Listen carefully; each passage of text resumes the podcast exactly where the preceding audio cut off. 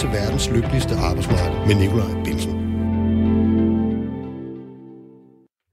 Det er fuldstændig korrekt. Og hvis vi skal have verdens lykkeligste arbejdsmarked og samtidig operere med måske bare en smule realisme, så tror jeg, at flere ting skal gå op i en højere enhed på samme tid. Folk skal i vid udstrækning have mulighed for at uddanne sig og arbejde inden for det fag, de brænder for. Det er simpelthen bare det smarteste. Så skal vi sikre, at det er attraktivt nok, at vi uddanner os bredt i forskellige sektorer, så der ikke opstår markant mangel på arbejdskraft i nogle brancher. Det er simpelthen helt nødvendigt. Og endelig skal man kunne skabe sig en fornuftig tilværelse, også selvom man passer et arbejde uden lang uddannelse eller høje lønninger. Det er simpelthen det mest rimelige. Jeg oplever en grad af uddannelsessnopperi i det her land. Sådan sagde uddannelses- og forskningsminister Anne Halsbo Jørgensen for nylig. Men kan man fortænke unge mennesker i at stræbe efter uddannelse, der giver adgang til et godt arbejdsliv? Skal løsningen på den manglende arbejdskraft nu individualiseres og gøres til de unges ansvar og nærmest et moralsk spørgsmål? Er det overhovedet et spørgsmål om snopperi? Og hvis, har vi så ikke langt større problemer med, at der ses ned på bestemte fag og uddannelser andre steder i vores samfund og på vores arbejdsmarked? Vi hopper med på bølgen og taler i dagens program om uddannelsesnopperi. Jeg kunne godt tænke mig, at vi i højere grad fik debatten til at handle om lidt mere end bare studievalg og de fire mest populære universitetsuddannelser. Derfor skal vi også senere høre stemmer fra nogle af de fag, som vi virkelig gerne vil have, at flere unge mennesker uddanner sig til. Og det er jo fag, hvor der mangler arbejdskraft. En sygeplejerske, der er glad for sit fag og stolt over sin uddannelse. En tømmer, der har taget den lidt omvendte vej og er blevet faglært efter en tur forbi universitetet. Og endelig en socioassistent, der kan få øje på masser af uddannelsesnopperi i sin dagligdag. Velkommen til programmet.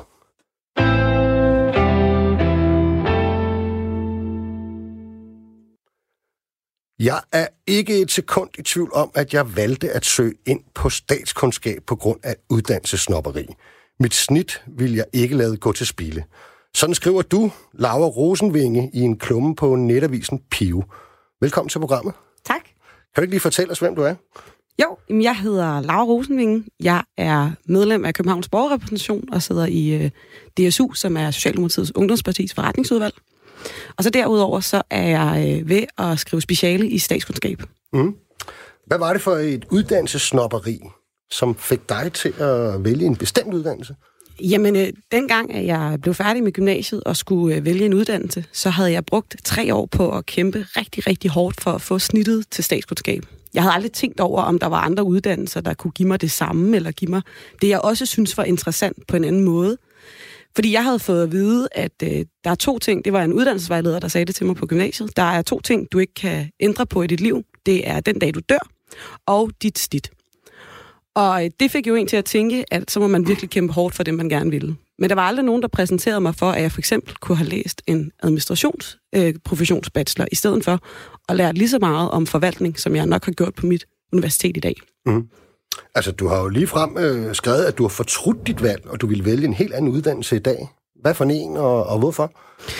Jamen, øh, det, er jo, det, er jo, det er jo svært at sige, Laura er 18 år, øh, men, men, men, men øh, jeg, vil, jeg ville nok have valgt en, en, en professionsbachelor i stedet for, der var meget mere praksisnær. Fordi jeg synes jo, at kommunalforvaltning er det aller, allermest interessante i hele verden, og det ved jeg bare, at man lærer mere om på den uddannelse. Måske havde jeg endda, hvis der var nogen, der havde præsenteret mig for det, valgt en socialrådgiveruddannelse, hvis jeg havde kunne tale med nogen, der havde fortalt mig, at det var også noget, hvor man kunne gøre en social forskel. Øhm, så, så det er det, at jeg ligesom tænkte.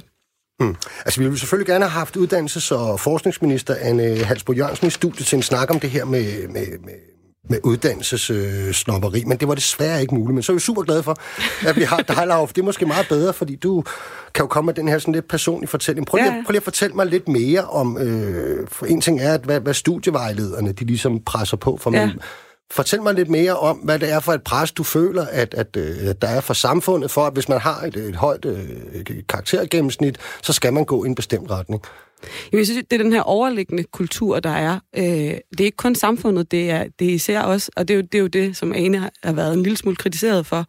Øh, det er jo meget på et individuelt plan også. Det er ikke de studerende, jeg synes øh, gør noget moralsk forkert. Jeg synes i højere grad, at det kan være forældrene, og det kan være vennerne omkring. For i mit tilfælde var det vennerne omkring mig, der også var politisk interesserede, der fortalte mig, at den eneste rigtige uddannelse, man kunne læse, det var statskundskab. Det er i hvert fald det, mange politikere er, ikke? Jo, det er det nemlig. Jamen, og det er det. Øhm, og det tror jeg bare overhovedet ikke er rigtigt, og jeg tror, det er vigtigt, at vi snakker om, at der ikke er nogen uddannelser, der er finere end andre. Hmm. Husk, at man altid kan sms'e ind. Øh, for eksempel, hvis øh, du har en holdning til, hvorvidt der er uddannelsesnopperi i Danmark, hvis du selv har stødt på det, øh, hvis du mener, der er mangel på forståelse for netop dit fag og din branche, så kan du skrive her ind på 1424, så skal du skrive R4, og så din besked efter et mellemrum. Så har jeg en anden gæst med her. Noah Reddington. Goddag. Velkommen til. Du er jo øh, i dag vel øh, politisk kommentator og klummeskribent. Ja, det, er det ikke det, vi kalder det? Det er en helt ubeskyttet titel, ja. og den, er, den kan man øh, bruge alle uddannelser til at blive. Men det altså, hjælper, det ikke, hvis man har været kræver, rådgiver for det, en statsminister. Det, det kræver ikke noget karaktersnit at, at, at blive øh, politisk kommentator. Der er frit valg på alle hylder. Ja. Okay, det er godt. I en klumme øh, helt for nylig i politikken, der spørger du blandt andet, hvorfor studerende, der læser medicin, skal have at vide, at deres valg af profession skyldes uddannelsesnopperi.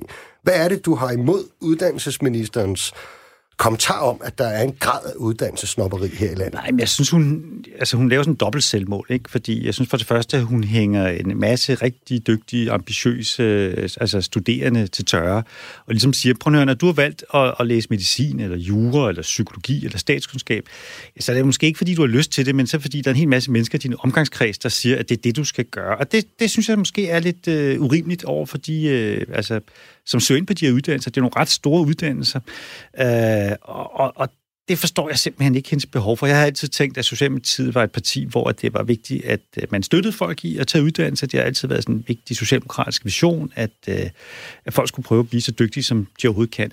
Og noget andet er jo så, at jeg synes, hun skaber sådan et billede af, øh, at professionsuddannelserne, at de store velfærdsuddannelser, pædagoguddannelserne og socialrådgiver, sygeplejersker og skolelæger, at det er lidt sådan nogle altså, røven i, i vandkanten uddannelser. Og det, det forstår jeg simpelthen ikke behovet for at, ligesom, at tale det op øh, på den måde. Jeg synes, hun svigter sin opgave som uddannelses- og, og forskningsminister ved at prøve at score nogle billige retoriske point, som passer ind i Socialdemokratiets overordnede politiske strategi, i stedet for at tage sin opgave alvorligt og sige, hvordan får vi lavet et uddannelsessystem, som så mange unge som muligt kan blive en del af, uden at skulle øh, hænge nogen til tørre. Hvad, hvordan mener du, det passer ind i Socialdemokratiets overordnede politiske strategi? Nej, men det er jo ikke nogen hemmelighed, at, at, at Socialdemokratiet øh, de seneste år har været meget skarpe på, øh, at, at der er nogle særlige vælgergrupper, man vil have tilbage.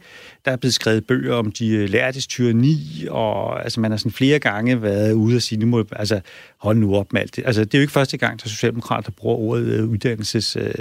Og det her er for mig at se et udtryk for, at der er jo kæmpe forskel på, når du er i opposition, og du så rent faktisk er ansvarlig minister. Jeg kan, ikke se, hvad der kommer noget godt ud, hvad der kommer godt ud af, at du som ansvarlig minister for så vigtigt et område, ligesom for sagt, dem, der vælger de der uddannelser, det er lidt nogle snopper, de er ikke øh, frit valg, øh, og dem, der vælger så altså, øh, velfærdsuddannelserne, det er måske, fordi de ikke havde så gode karakterer, de kunne komme et andet sted. Jeg forstår simpelthen ikke øh, logikken i det. Jeg er glad for, som man siger, heller en omvendt sønder end en 100 hellig, og, og hvis Laura har det sådan i dag, så er det jo altid. Men, men vi kan simpelthen ikke bruge den slags øh, retorik, når vi taler om noget, der er så stort og så vigtigt for vores samfund. Hmm. Laura Rosenving, er det rigtigt, at regeringen har travlt med at nedgøre akademikere?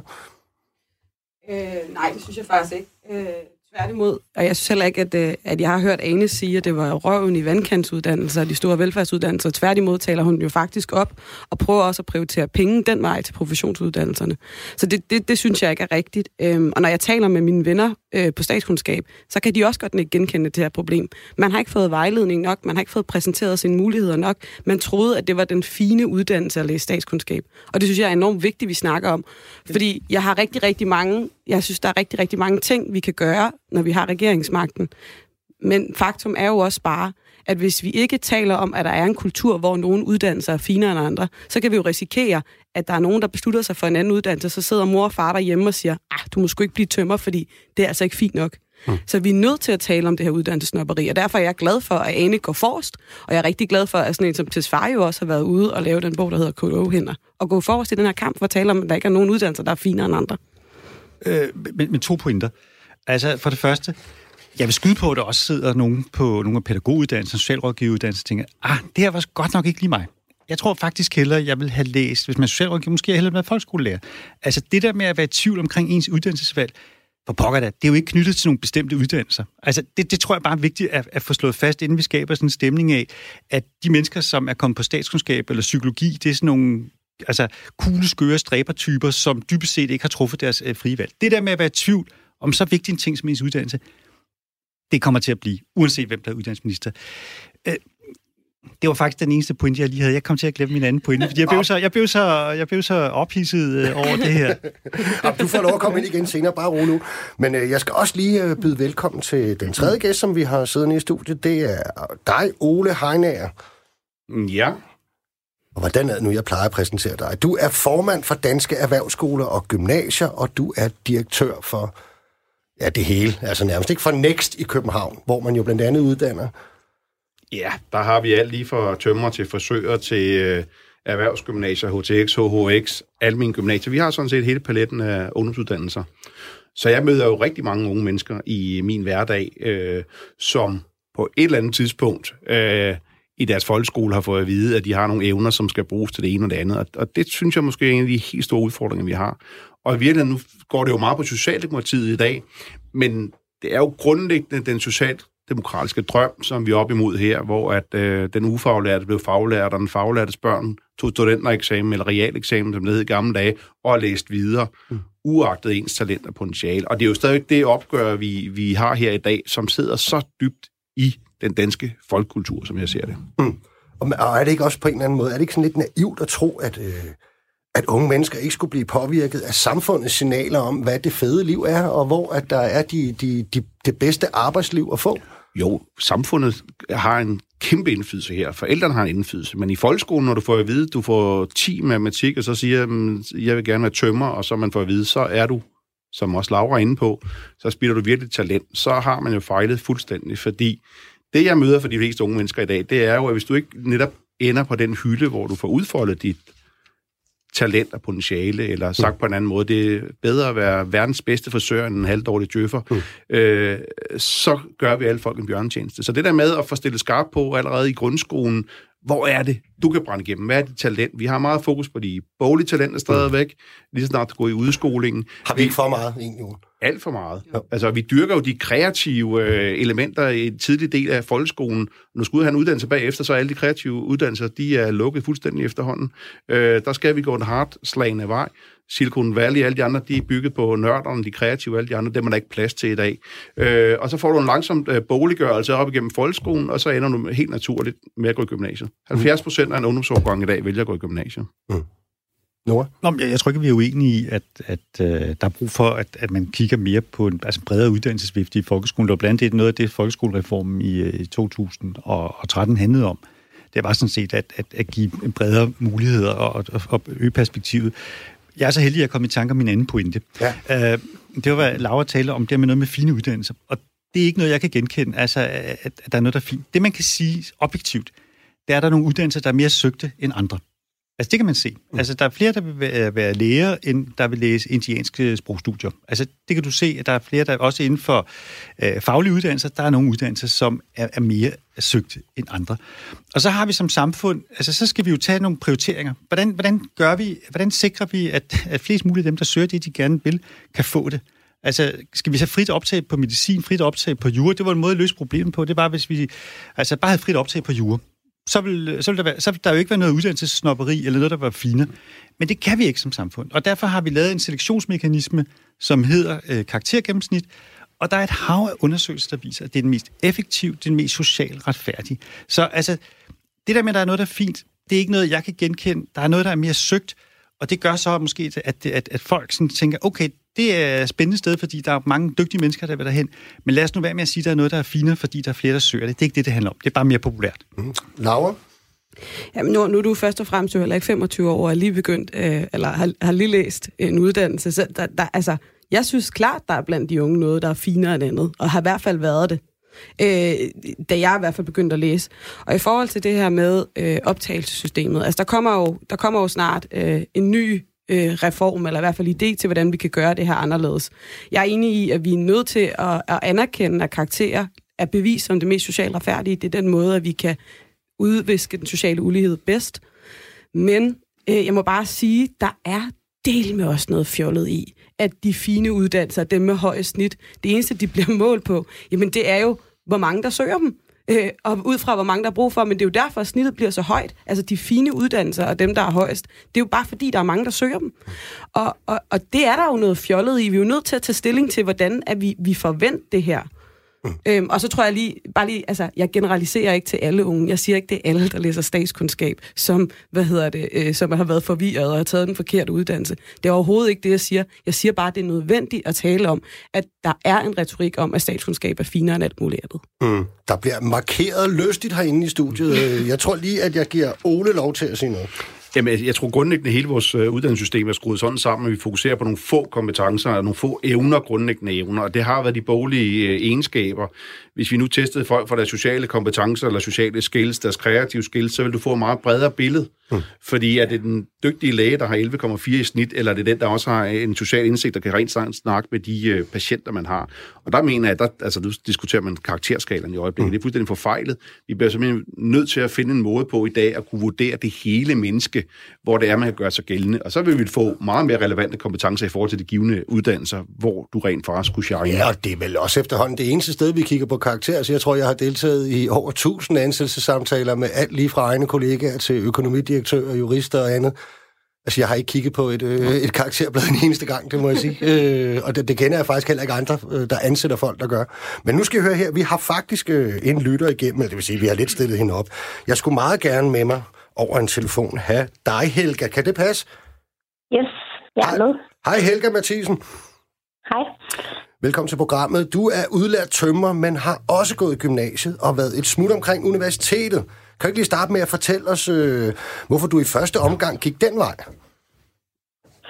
Jo, altså jeg tror, som mange andre oplever det sådan i folkeskolen, at hvis man bliver erklæret egnet til gymnasiet, så er det ret oplagt den vej, man tager. Jeg kan i hvert fald ikke huske, at jeg, øh, jeg blev præsenteret for andre muligheder, eller det overhovedet var et spørgsmål, når man først var erklæret egnet til gymnasiet.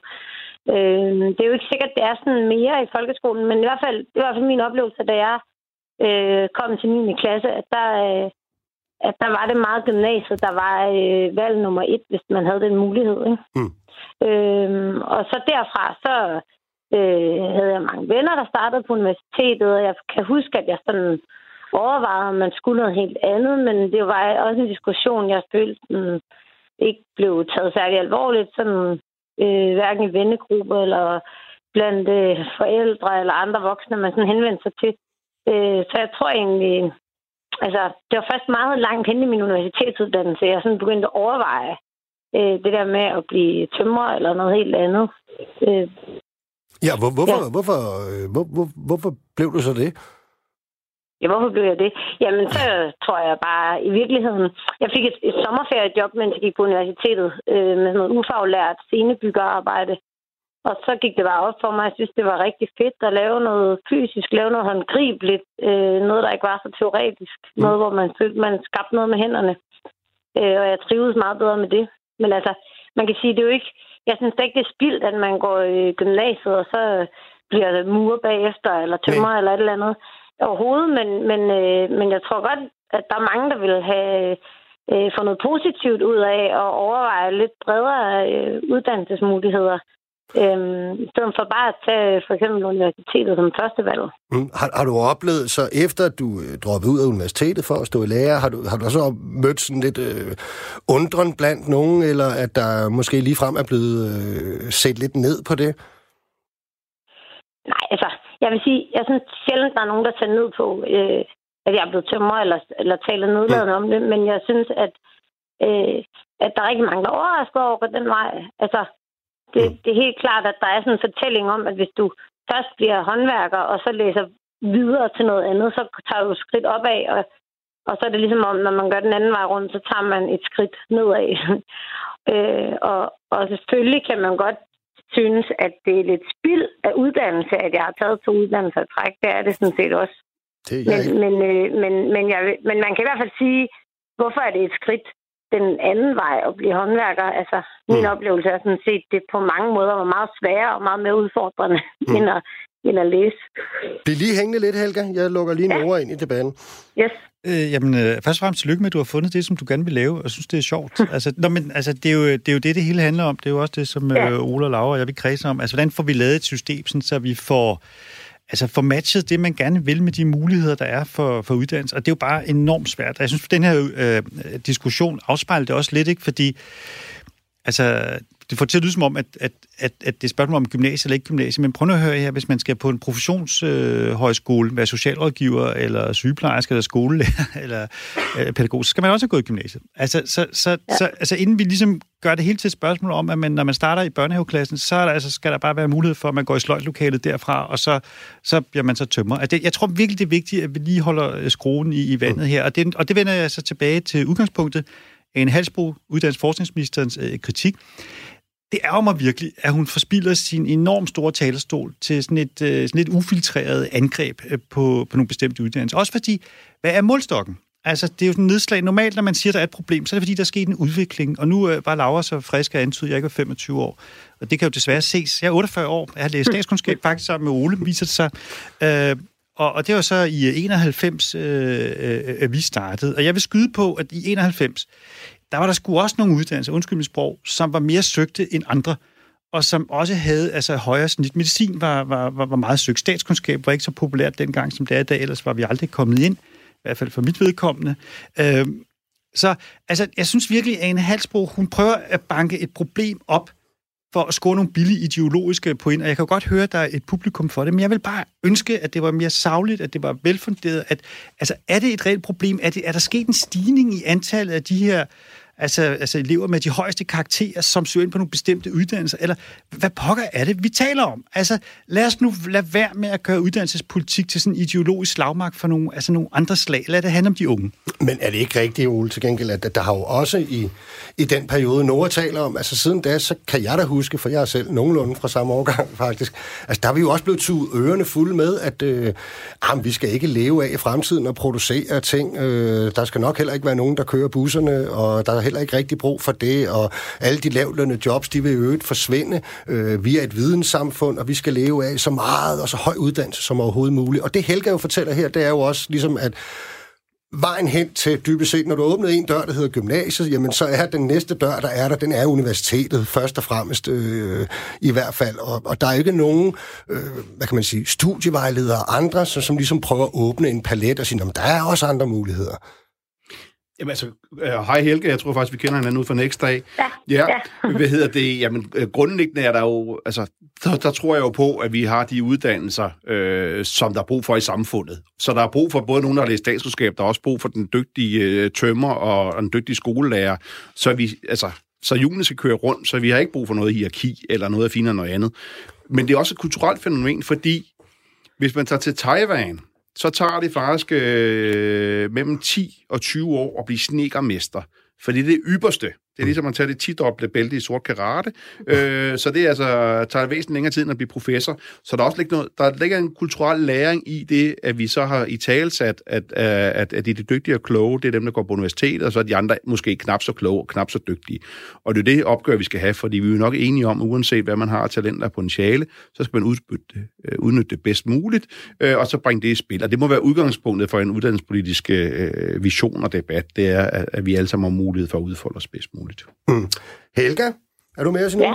Ja, det er godt. Yes. Fordi at, altså, jeg tænker, vi ved jo, at inden for, for din branche, altså inden for byggeriet generelt, der, der står man øh, og kigger ind i, at man altså mangler, jeg tror, det man siger 17.000 øh, mangler man øh, inden for en årrække. Ikke? Altså, hvordan tror du så, at vi får flere til at vælge den faglærte vej?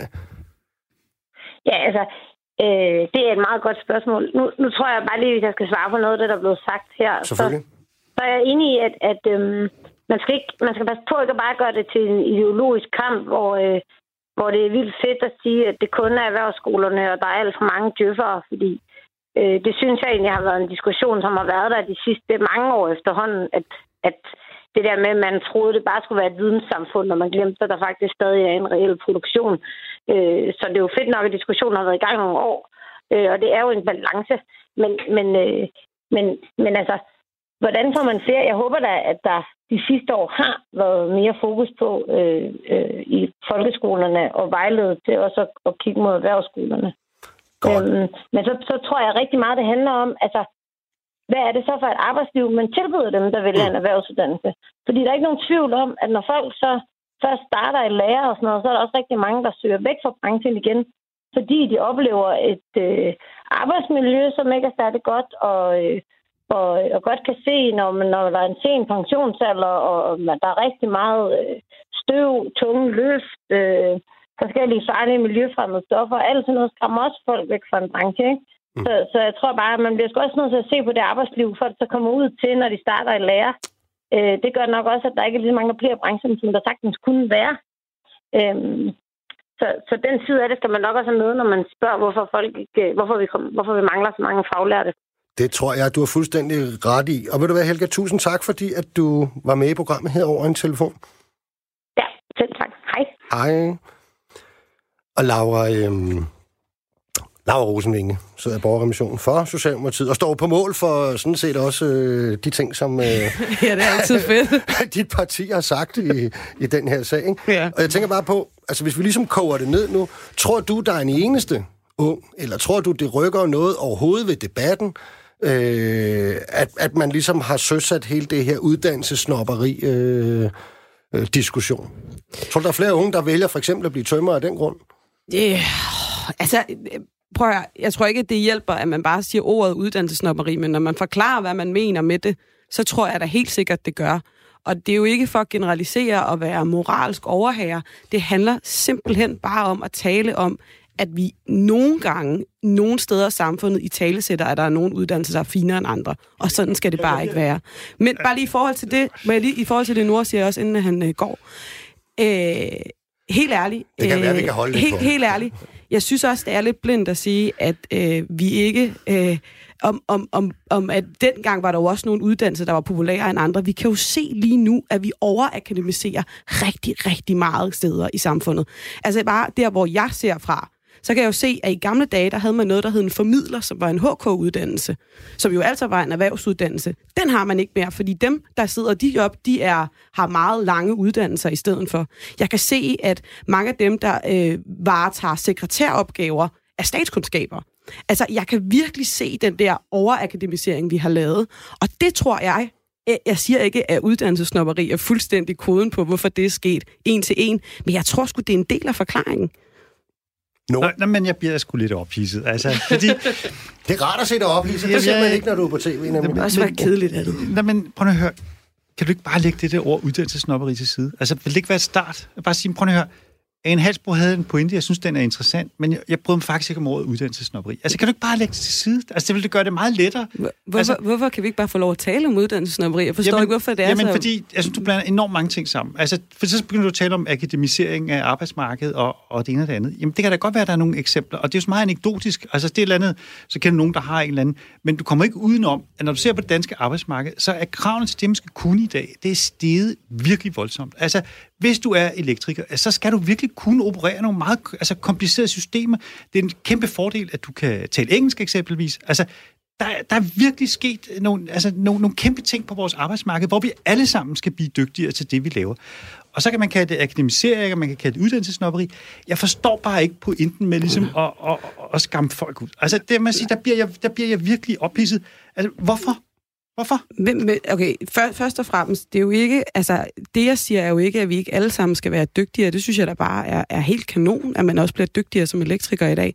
Det jeg siger, det er, at der er nogle stillinger, der kunne kunne være varetaget af nogen, der havde en, en uddannelse, der ikke tager så lang tid, som det tager at blive statskundskaber. Der bliver uddannet enormt mange statskundskaber. Men må jeg lige snakke færdig? Nej, okay, bare, nu bare køre, fordi Nå, men der er, det, andre, der, er sige jo andre, der er jo andre mennesker og andre uddannelser end statskundskab. Altså, det er, jo, det er jo generelt, at vi alle sammen bliver bedre, og folk får altså, længere og mere kompetente uddannelser. Faktisk er, et, altså, faktisk, er, altså, faktisk er nogle af de store problemer i uddannelsessystemet, det er jo på de der velfærdsprofessionsuddannelser, at kvaliteten ikke er god nok. Altså, altså, hvis vi virkelig skal tale om problemer i uddannelsessystemet, så er det eksempelvis på vores læreruddannelser, at der har vi ene rapport efter den anden, som dokumenterer, de skal simpelthen være dygtige, de skal have flere timer. Altså, hvis du betaler om problemer, så er det altså ikke overuddannelse, men at der er nogle steder i vores uddannelsessystem, hvor kvaliteten ikke er god nok. Jo, men kan man ikke sige lige præcis det, Nora? Kan man ikke kalde det for en form for uddannelsesnopperi? Altså, jeg tror, at øh, jeg hørte for nylig en, en, en pædagog fortælle, at, at han havde været med til at øh, besætte seminaret for 30 år siden, og det var for at få flere uddannelsestimer. I dag har de færre, end øh, man havde på uddannelsen dengang. Kunne øvrigt også berette, at dem, som underviser udelukkende, øh, på pædagogseminaret, det, det, det simpelthen er akademikere, ingen med en pædagogfaglig baggrund, ingen, øh, som kommer med en, en praksis for hverdagen, eller 10 år ude i en institution eller noget andet. Kunne man men, ikke kalde det uddannelsesnopperi? Men, men, men det er jo lige det der Eller- Skal vi, skal vi så ikke have en uddannelses- og forskningsminister, som taler om det, i stedet for at sige, at det, der sker på universiteterne, det, er bare uddannelsesnopperi? Det gør hun da også ja, i men den hendes, adgangs, grad. hendes adgangsbillet er åbenbart, at lige skulle sparke på nogle af dem, som vælger at Ej, tage en anden det uddannelse. hører jeg Og- og hende simpelthen ikke. Hvorfor har du så meget forstår- allergi og jeg, for det jeg ord? forstår Altså- simpelthen ikke behovet. Altså, jeg, jeg forstår ganske enkelt ikke behovet, fordi du har jo ret, Nikolaj. Altså, det er jo ikke godt nok, det der er på vores professionsuddannelser i dag, øh, professionshøjskoler i forhold til det. Jeg kender øh, unge, som læser, jeg jo, kan jo tale om unge, fordi som, jeg er jo en gammel mand, som Laura fik sagt. Altså, det er jo ikke godt nok. Der er ikke nok timer. Kvaliteten er ikke stor nok. De krav, der bliver stillet, er, er ikke skarpe nok. Selvfølgelig skal det være bedre, så lad os da tale om det, i stedet for at gøre det til et problem, at der er en, en gruppe unge, som vælger at læse nogle uddannelser, som der for øvrigt er ret stort brug for i samfundet. Godt, nu skal vi lige have en rolig mand øh, ind i det program her. Altså Ole, han har siddet og lænet sig mere og mere tilbage i stolen, og det er jo som sagt direktøren for det hele. Hvad siger? Men, men jeg kan sagtens følge det, Nora. Jeg, jeg føler også, der er en eller anden form for reproletarisering. Man har, nu vil jeg ikke snakke kulturrevolution med mindre, men det der med at batche nogle særlige uddannelser, eller nogen, der har nogle særlige funktioner. Øh, jeg kan da ikke øh, lade være med at også blive en smule øh, personligt såret, når vi bliver gjort til et eller andet djævelskab, hvis man har en vis uddannelse og, og prøver faktisk at bidrage til samfundet og, og, og gøre sit job hver dag. Øh, der skal man passe på hele vejen rundt med at udvise gensidig respekt. Øh, jeg har stor respekt for alle andre fagligheder. Det har jeg ikke nødvendigvis altid haft, men det har jeg i hvert fald lært, mm. øh, efter at have arbejdet med rigtig mange forskellige fagligheder, at vi er gode til at være vores ting. Øh, og jeg oplever også et omvendt uddannelses... Øh, øh, bagvendt batching, hvor at hvis man er faglært, så tænker man, at er noget, djævelskaben har skabt. Øh, og det er jo også, fordi man måske gensidigt ved, hvad er det hinandens kompetence er, hvad er det, man har lært, hvad er det, man arbejder med. Så det tror jeg må være udgangspunktet for den her snak her, og så ikke gøre, gøre nogen øh, værre, værre, end de er, tænker jeg. For stadigvæk, vi uddanner de folk, vi har brug for, til de forskellige funktioner, der er. Mm. Og jeg er helt enig med Nora, der er sket en teknologisk og udvikling, som betyder, at der er rigtig mange øh, af de uddannelser, der har været tidligere, de fag, der har været tidligere, de har en højere grad af specialisering øh, og akademisk indhold også. Vi har fået et par sms'er herind, øh, blandt andet desværre også nogle, som er sådan lidt grimme og ligesom øh, skriver grimt om minister og andre. Altså, de bliver altså ikke læst op, det kan jeg bare sige. øh, til gengæld er der kommet en ind, der hedder, kig på den store palette, du har som person, og tag derefter dit eget valg. Som samfund skal vi respektere alle uddannelser. Vi er her for vores alles bedste.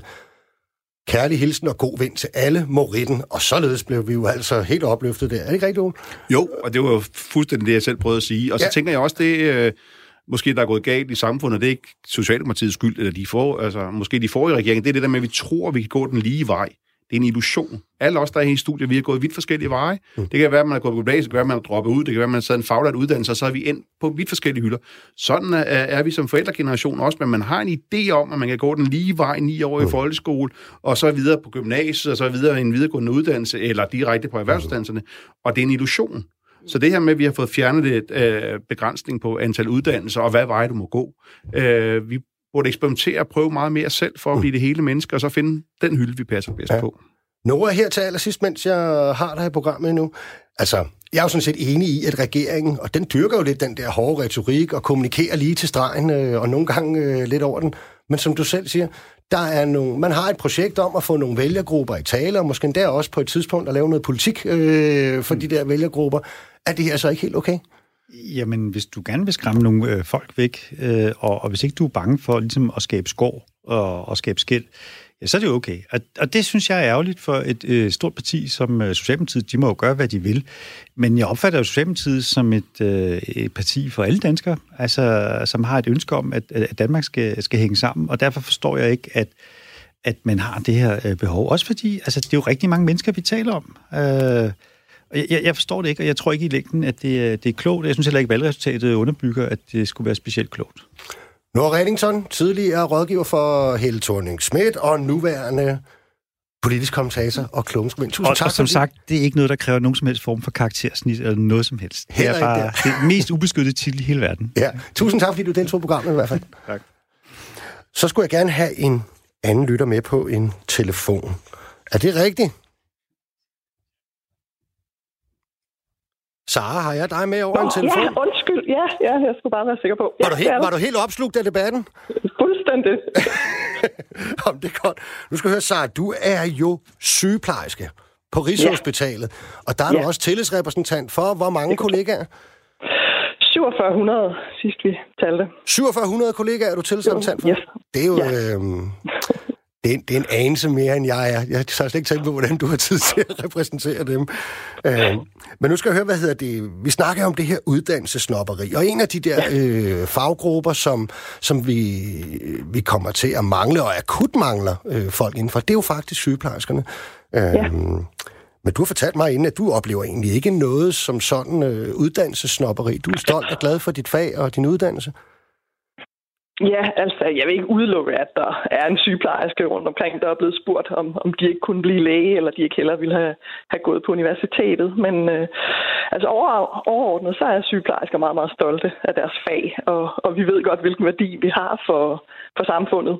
Man siger jo, at sygeplejersken er jo som sige, ryggraden i det danske sundhedsvæsen, og nok er det lægen, der redder livet, men det er sygeplejersken, der redder mennesket. Og, øh, og det er sådan den der øh, opfattelse, vi har af, af vores, øh, vores fag og vores position. Mm. Er jeres uddannelse god nok? Hvad siger du? Er jeres uddannelse god nok? Om den er god nok, det er der sikkert noget øh, teknisk omkring, at øh, vores, øh, øh, hvad skal man sige, øh, det ud- uddannelsespolitiske aspekt i, om øh, Og så lad er mig der spørge på en anden måde, øh, så, praktik så lad mig spørge og- på en anden ja. måde. Er, er, øh, er det prestigefyldt nok øh, at, at, at blive sygeplejerske? Og tage den uddannelse? Øh, jamen altså, jeg synes i hvert fald, øh, det jeg sådan har oplevet, øh, da jeg selv valgte at blive sygeplejerske, det er sådan en, en sådan lidt mere, hvad skal man sige, altruistisk øh, forståelse af vores fag. Og jeg har sådan mere oplevet den der, øh, det er egentlig ret flot, at du kan være sygeplejerske, det tror jeg ikke, jeg ville kunne, og det er nok noget med det her øh, ansvar at, at stå med, med mennesker øh, og liv og død. Mm. Øhm, og, og vi er jo også sådan en, en, øh, en, en faggruppe, der, der indtager positionen gang på gang som den mest troværdige øh, faggruppe i landet. Så, øh, så det tænker jeg også, at det er noget, der, der også sådan, øh, sparker ind i, i sygeplejerskers øh, opfattelse af Ja, deres øh, fag. Ja, det, det er lidt sjovt det der, ikke? Fordi når, når jeg snakker med folk, ikke? Altså, I er jo nærmest mm. det eneste fag i Danmark, hvor, hvor ingen til har en dårlig oplevelse med jer. Alle kan fortælle om hårdt arbejdende, opoffrende, mm-hmm. venlige, super professionelle, dygtige sygeplejersker, der arbejder er så hårdt de kan, og der, der går ikke en uge uden, der er 100 opslag på de sociale medier for folk, der har ja. været en tur på hospitalet, eller haft deres mor mm. på hospitalet, som netop siger der, altså I, I får simpelthen så meget ros, at I ikke kan være jer selv, øh, hvor, hvor alle mulige andre brancher, de, de kan jo blive svinet til derude, ikke? Den er for mm. gal med håndværkere, den er for gal med skolelærer. Vi kender alle sammen en chef, der også øh, har været en idiot på et tidspunkt, ikke? Ja, ja. Så, så, så hvad er egentlig årsagen til, at, øh, at vi har svært ved at få folk til at uddanne sig inden for jeres fag? Øh, jamen altså, øh, åh, det, det må du da nok spørge om. Vi ved, at vi har et vis øh, frafald fra vores øh, uddannelser. Øh, men altså, øh, det er jo øh, en, en, en, en uddannelse, der, øh, der hvad skal man sige, rummer ufattelig mange øh, forskellige områder, og, og når du er færdig, jamen, så er der ufattelig mange øh, veje at gå, om man vil patienter, om man vil det akutte, om man vil være inde i noget mere Øh, stille og rolig øh, palliativ behandling, eller man vil gå forskning. Der er simpelthen så mange, mange øh, veje, man kan gå, når man, øh, når man først er blevet sygeplejerske. Hvad, hvad med selve jobbet? Altså, hvad med, hvad med det ry, jeres arbejdsmiljø har? Det ry, som den måde, vi har indrettet sundhedssektoren, øh, øh, hospitalerne, sygehusene på. Hvad med det? Spiller det ind, tror du? Altså, har nok også øh, en, en del af det, at øh, altså, nu er der den her øh, deltidsdebat, og hvordan får vi sygeplejersker til at arbejde mere, Mm. og altså, der, øh, når man sådan laver undersøgelser omkring det, så noget af det, der i hvert fald øh, ville kunne få, få flere sygeplejersker, det er også øh, altså bedre arbejdsvilkår, især af et form af et lavere tempo øh, på afdelingerne, og formentlig også bedre tilrettelæggelse af, af arbejdet, og jo det der, at, øh, at, at vi arbejder jo altså, hvad skal man sige, i aften er der weekender, og når påske og pinse og jul står for døren. Og det kan måske også godt øh, i nogle tilfælde have en, en afskrækkende effekt mm. på, øh, på de kommende unge mennesker. Okay, vil du være Sara Schmidt Hall, sygeplejerske på Rigshospitalet og tillidskvinde ja. for 10.000 trilliarder Ah, ja. øh, kollegaer. Tusind, Ikke helt sådan, men ja. Nå, tæt på i hvert fald. Tusind tak, fordi at du ringede ind til programmet. Jamen, velbekomme du.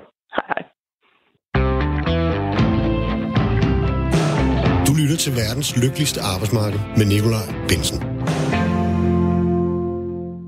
Yes, og i dag der diskuterer vi uddannelsesnopperi, og med mig i studiet, der har jeg på nuværende tidspunkt i hvert fald Laura Rosenvinge, som sidder i borgerremissionen for Socialdemokratiet. Jeg har Ole Heinager, direktøren for det hele, øh, formand for Danske Gymnasier og Erhvervsskoler. Og så har jeg fået besøg af dig, Camilla Petersen. Ja, hej. Kan du ikke lige fortælle, hvem du selv er? Jeg er social- og sundhedsassistent og øh, arbejder på et demenscenter, hvor jeg også er øh, tillidsrepræsentant. Ja. Så har du på et tidspunkt engang i dit liv siddet i... Har du ikke siddet i byrådet eller sådan noget for Socialdemokratiet rent faktisk øh, i Jo. Gladsaxe Kommune? Jo, Det har du også, ikke? Jo. Oplever du, at der er uddannelsesnopperi omkring dit fag, Camilla? Ja, det oplever jeg altså til tider. Øhm, man kan sige, nu havde vi også lige en sygeplejerske igennem side øh, før, og, og det er jo nogle af de steder, hvor vi også kan se det. Altså, det er jo, det er jo den der øh, sådan imellem fagene, altså i virkeligheden også noget af det, der er blevet talt rigtig meget om herinde, det der med at sige, jamen alle fag har jo en værdi, og alle fag skal, skal blive dygtigere, fordi vores, altså nu ude ved mig, vores borgere bliver sværere at, at håndtere og har flere komplekse opgaver. Men det betyder jo ikke altid, at vi skal tænke ud af fagene. Nogle gange skal vi også tænke, hvordan styrker vi fagligheden inden for fagene. Og vi oplever i hvert fald, at nogle gange der er nogle, altså nogle opgaver, der simpelthen bliver taget fra os, og så bliver givet til sygeplejersker, i stedet for at tænke i, hvordan man kunne klæde os ordentligt på til at varetage opgaven. Ikke? Mm, det er jo interessant, for det er lige det der fænomen, tror jeg, at, at en lang række fag, særligt selvfølgelig de, de, de mere lavt uddannede, og desværre også tit de lavt øh, lønnede, de, de oplever øh, faktisk det der, tror jeg. Men kan den, hvad hedder det... Hvordan er det sådan i din, i din dagligdag? Du har, sådan, du har tidligere beskrevet, at, øh, at fuldtidsstillinger som socioassistent, det er en sjældenhed. Og det mener du selvfølgelig er en kæmpe fejl, altså. Og, og, og vi kender vel også lidt fra sygeplejersken, vi, vi, vi talte med før. Hvorfor er det sådan? Jamen, det tror jeg, det, det handler jo selvfølgelig meget om, kan man sige, arbejdstempoet. Det er i hvert fald det, som folk siger er årsagen til, at de gerne vil øh, have en deltidsstilling. Så tror jeg, at øh, kulturen har været sådan, at det, der bliver udbudt, også er meget 30-timers stillinger eller 32-timers stillinger. Ja, sådan har det været i de senere år. I hvert fald er der sket et... et, et øh...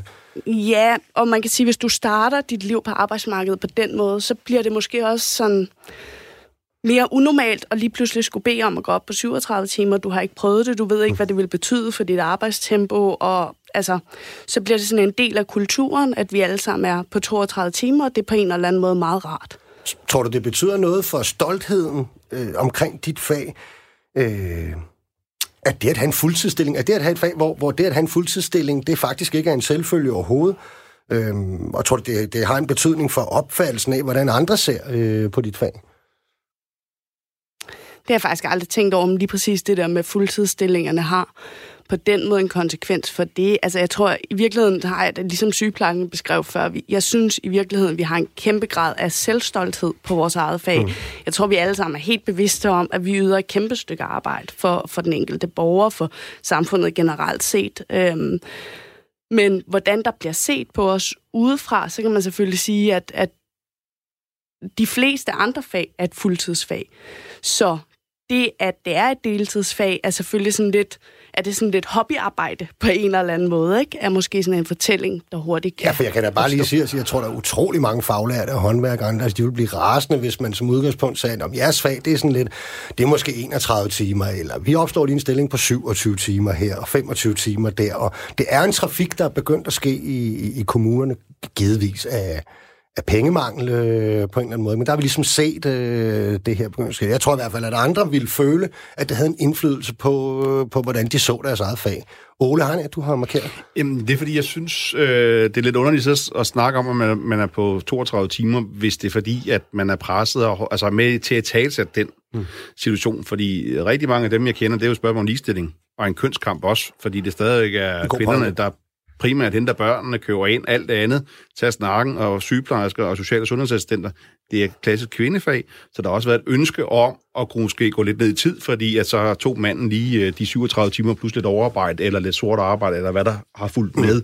Så jeg tror ikke, vi skal... Altså, generelt tror jeg, vi skal passe på det med, øh, øh, og nu snakker jeg ud fra et rekrutteringsperspektiv, som noget, som altid krasser i min mavesår, når vi skal ud og, og rekruttere til, til erhvervsuddannelserne eller til professionsbacheloruddannelserne. Det er jo, hvis er de faglige organisationer lige har været ude og fortælle lige inden, hvor hårdt det er, man er nedslidt som 25-året, og man spiser ibuprofener som tømmer som 30-året, så er det rigtig svært at fortælle øh, unge mennesker og deres forældre, det er rigtig godt til en erhvervsuddannelse. Så jeg tror, det er vigtigt at have et balanceret syn på det, plus der også er sket en, en fantastisk teknologisk udvikling inden for fagene, så, så den nedslidning, vi ser en 60-årig social uddannelsesstændig i dag, er nok ikke den samme, man vil se om 30 år, fordi der er nogle helt andre hjælpemidler, end der har været tidligere også. Men det er jeg sådan set også helt enig i, og jeg, øh, altså, jeg har selv været på 33 timer på mit arbejde, og nu på 37 timer, så, så jeg kender også forskellen på de to øh, situationer. Det var i øvrigt dengang, jeg sad i byrådet, så det havde nogle andre overvejelser, at jeg var på 33 timer på det værende tidspunkt. Men jeg kunne bare se, at jeg løb hurtigere da jeg var på 33 mm. timer, end jeg gør nu, når jeg er på 37 timer. Fordi jeg havde i virkeligheden alle de samme arbejdsopgaver. Jeg skulle bare mm. løse dem på kortere tid.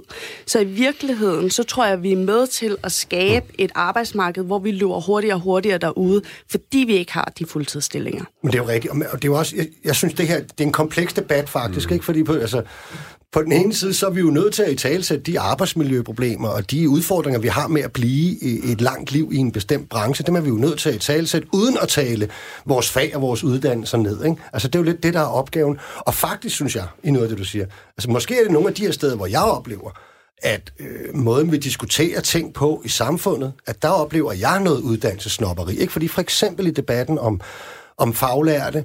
Altså der, øh, eller rettere debatten om øh, nedslidning og tidligere tilbagetrækning, jamen der er modstanderne af, at man skal gøre noget ved det. De har jo sagt til os i overvis, at jamen, du skal jo heller ikke være håndværker et helt liv. Det skal du kun være i 20 år. Så skal du uddanne dig og finde på noget andet at lave. Og man skal ikke gå på stilaserne, til man er 70 og bare roligt. Og, og der er jo noget mærkeligt øh, modsatfyldigt, ikke? Og omvendt det, som, som du siger, Ole, og Camilla selv er inde på med, at jamen, det er da oplagt, øh, en forklaring rigtig mange steder, ikke kun i Camillas fag, men i rigtig mange offentlige ansatte, øh, hvad skal vi sige, de typiske kvindefag. Øh, jamen det er jo fordi, der bliver løst en situation omkring øh, fortravlede børnefamilier, øh, at der er nogen, øh, der er på flekstid eller på nedsat tid. Det ser vi jo, og det ved vi jo. Men den seneste debat, vi har haft om det, den handlede om au pair, som altså 0,1 øh, procent af den danske befolkning havde. Hvorfor har vi så ikke en debat om, at det, det kan da ikke være rigtigt, at man skal være på nedsat tid i, i, i en lang del af ens liv for at få et børnefamilieliv til at fungere? Eller hvad, Ugen? Jo, jo, det er jeg fuldstændig enig i. Så, så det er nogle andre diskussioner. Det er rejsfladet for, det er bare vigtigt at fortælle vores øh, professioner og vores mm. faglighed ned, fordi at der selvfølgelig også er en anden dagsorden, der ligger der. Mm. Laura Rosenvinge, Ja. Hvad siger du til alt det, du sidder og hører her? Jamen, jeg sidder jo bare og lytter. Jeg, jeg er meget enig. Altså, det er jo... Det er jo det er jo også det der med at sige, at når vi begynder at tale om uddannelsesnopperiet, så skal vi huske, at den overliggende kultur, jeg taler om, om at der ikke er nogen uddannelse, der er finere end anden, er jo ikke svaret på det hele. Det er også det, jeg prøver hele tiden at sige. Selvfølgelig handler det om gensidig respekt over for hinanden, men det handler også mere end kultur. Altså, det handler også om differentieret pensionsalder og sørge for, at der er ordentlige arbejdsvilkår ude på mm. arbejdspladser. Der er ja. masser af beskæftigelsespolitik i det her, men så er der fordelt med også meget altså uddannelsespolitik i. Ikke? Der er mm. virkelig meget med den vejledning. Vi jeg vil faktisk gerne have spurgt Helge om det, men, men, men jeg tror, at hvis man spørger folk, om de føler, at de er blevet vejledt nok om de uddannelser, der ligesom har været at vælge imellem, så tror jeg, at de fleste siger nej. Jamen, vi kan spørge Ole, fordi altså, jeg synes nemlig også, det er en rigtig point. Jeg har hørt tit mange fremhæve det her med, at, at, at vejledningen, den er noget indsporet. Er det noget, I er opmærksom på at arbejde med det? Super opmærksom på men vejledning gør det ikke. Det er jo det lange seje træk, mm. og det er også derfor, den her praksisfaglighed, vi har fået ind i grundskolen nu, hvor man har mulighed for at komme ud og mærke fag og så videre. Fordi rigtig mange af dem, der falder fra, det kan være, at du har en drøm om at være frisør, men første gang du står og skal nulle ind i håret og ser en gammel, øh, en ældre dame har skæld og så videre, så siger du, og så skal du altså bare ikke være frisør. Så der er rigtig mange ting, hvis du ikke har haft mulighed for at prøve at opleve dem, så er det ikke lige den vej, du går, og så har du brug for at, at, at, at vælge noget andet. Og det er også derfor, jeg taler så meget ind i de gener, øh, eller ikke øh, gener, men i hvert fald de kompetencer, vi har med os, om, om det er sociale skills, sociale sundhedsassistenter, mm. de har jo kæmpe øh, blødende, brændende hjerter, har lyst til at yde omsorg. Og, og, og der tænker jeg tit, at det er de modige unge, vi snakker om, der vælger en erhvervsuddannelse. Det er dem, der, der har lyst til at gå så en tør røv på de gamle mennesker. Det er ham, der står på, på byggepladsen kl. 7 om morgenen, mm. og, eller i salongen øh, kl. Øh, lørdag 8, hvor ens øh, venner fra gymnasiet måske ligger og sover, sover brænder den ud. Så, så der ligger rigtig mange ting, vi skal i den her, øh, med i den her debat mm. her. Hvis man kan høre sådan en dunk i ny og næ, så er det fordi, at øh, Ole han er så begejstret og ivrig, mens han taler, at han simpelthen slår i, øh, i, i bordet nogle gange. Camilla, hun øh, er bare så pæn, at hun øh, rækker hånden op, så hun får ordet nu. Ja, men, altså, men jeg tror også, at det er noget, man altså, skal kigge på generelt i vores uddannelsessystem. Ikke? Altså, nu ved jeg jo ikke lige helt, hvordan folkeskolen er indrettet i dag, men da jeg selv skulle vælge uddannelse, så var det i hvert fald sådan, at så skulle man jo være altså, erklæres egnet til at gå i gymnasiet, og altså, uantastet hvad, det lyder lidt finere, så det ville jeg rigtig gerne. Øhm, så jeg endte også selv på en handelsgymnasium, øh, og, og var der i nogle år. Det var først, fordi min far blev syg, at jeg ligesom var nødt til på en eller anden måde at, at droppe ud og finde ud af, hvad jeg så ville. Øhm, og, og derfor endte jeg så til sidst på en social- og sundhedsassistentskole, og har bare, altså, kunne bare mærke, at det var det første sted, jeg sådan rigtig fandt mine egne ben i uddannelsessammenhæng. Altså, mm. i virkeligheden hang jeg med røven i vandskorben selv i folkeskolen. Det gjorde jeg så også øh, på gymnasiet. Men på Social- og Sundhedsskolen, der fik jeg høje karakterer i alle fag. Og det er jo fordi, jeg lige pludselig fik lov til at kigge helt anderledes kreativt på fagene, selv dansk og sådan nogle, sådan nogle øh, situationer. Det, det var meget nemmere, fordi vi lige pludselig gik praksnært til det, og derfor tror jeg også i virkeligheden, så meget bedre til at bruge det der hele vores folkeskole netop, at vi er med til at højne nogle elever, som normalt slet ikke vil blomstre på samme måde. Det jo en pointe, Ole kom med tidligere, det der. Faktisk. Netop. Og så tror jeg også bare videre på vores øh, hvad hedder det, erhvervsuddannelse, så vil jeg så sige, når man så kommer ind på en erhvervsuddannelse og får øh, 12 i rigtig mange af fagene, så møder man en masse, som er uddannet sygeplejersker som videre, som så siger til en, skal du så ikke læse videre til sygeplejerske efterfølgende? Og derfor synes jeg, det er vigtigt også at få flere social- og sundhedsassistenter mm. ind som underviser på for eksempel øh, og lad os lige understrege i, du er i det fag, hvor at vi har massiv rekrutteringsproblemer allerede nu, og får det endnu mere i fremtiden. Ikke? Laura, du markerer. Ja, det kan vi virkelig mærke ud i kommunen også. Øh, I hvert fald Københavns Kommune. Vi mangler jo virkelig gode sosuer. Altså, det er virkelig... Og jeg tror bare, der er, jeg er helt enig med Ole i alt det her, og jeg er jo rigtig ked af, at den folkeskolereform, vi gik og drømte om med, med helhedsskolen, aldrig blev til noget. Øh, på den måde, vi i hvert fald gerne ville have den, fordi det var jo de tanker, der lå der. Men jeg tror også, at når jeg så kigger videre på, især op i gymnasietiden, og også i folkeskolen, altså vi, det der præstationspres, det er altså også en del af det. Vi prøver at skynde vores elever igennem det. Jeg er rigtig glad for, at uddannelsesloftet lige er blevet løftet, eller hvad vi skal kalde det. Øhm, men, men, men jeg tror virkelig, altså den historie, jeg startede med at fortælle med, at jeg får at vide, at der er to ting, jeg ikke kan ændre på i gymnasiet, og det er den dag, jeg dør, og det er mit stit. Altså det fortæller noget om, hvad for en retorik man har omkring, hvor vigtigt dit karakter er, og hvor hurtigt du skal komme igennem. Ikke? Så der tror jeg måske også, at det kunne hjælpe, hvis vi fik den lidt bedre på. Ole. Og så er det jo lige her, den 1. marts, inden man skal søge en ungdomsuddannelse, hvor unge mennesker og forældre sidder derhjemme lige nu, og der tror jeg, som forældre, det man skal være opmærksom på, det er at se, hvor ens barn udfolder sig bedst muligt. Hvad er det for en talent, barnet har? Hvor er det, man er god? Er man god til at yde omsorg? Er man god til at have lyst til at skabe noget? Arbejde med et fag og så videre? Jamen, så, skal, så er det... Øh, der er nu, man skal overveje også en erhvervsuddannelse, og så kan man altid læse videre bagefter. Man kan også tage det, der hedder en EUX, hvor du både får studenterhuen mm. på, og så er svendebrev med. Men der er rigtig mange muligheder, og dem, der har brug for at gå i gymnasiet, det er jo også fantastisk. Der har vi også brug for, men det der med, at vi skal nok nå det, og vi skal være 70 år på arbejdsmarkedet, det skal vores børn i hvert fald være, mm. så de kan skifte karriere 4, 5, 7, 8 gange. Så det der med at komme godt i gang, men med et eller andet, du motiverer og brænder for, det er det, der driver værket. Ja. Altså, det er jo rigtig tit, synes jeg, i det her program, når vi diskuterer et emne, så, så, så, så lander vi ligesom også ofte i, at øh, der skulle folkeskolen have gjort et eller andet, eller noget. Ikke? Og, og det, jeg har faktisk ikke haft nogen inden for folkeskolen nu, så det kunne være, at jeg snart skulle øh, være alvorlig og, og så lave et program. også gerne op. Ja, det er godt, Ole. og lave et program. Og det, men jeg tænker øh, her kort til allersidst, nemlig...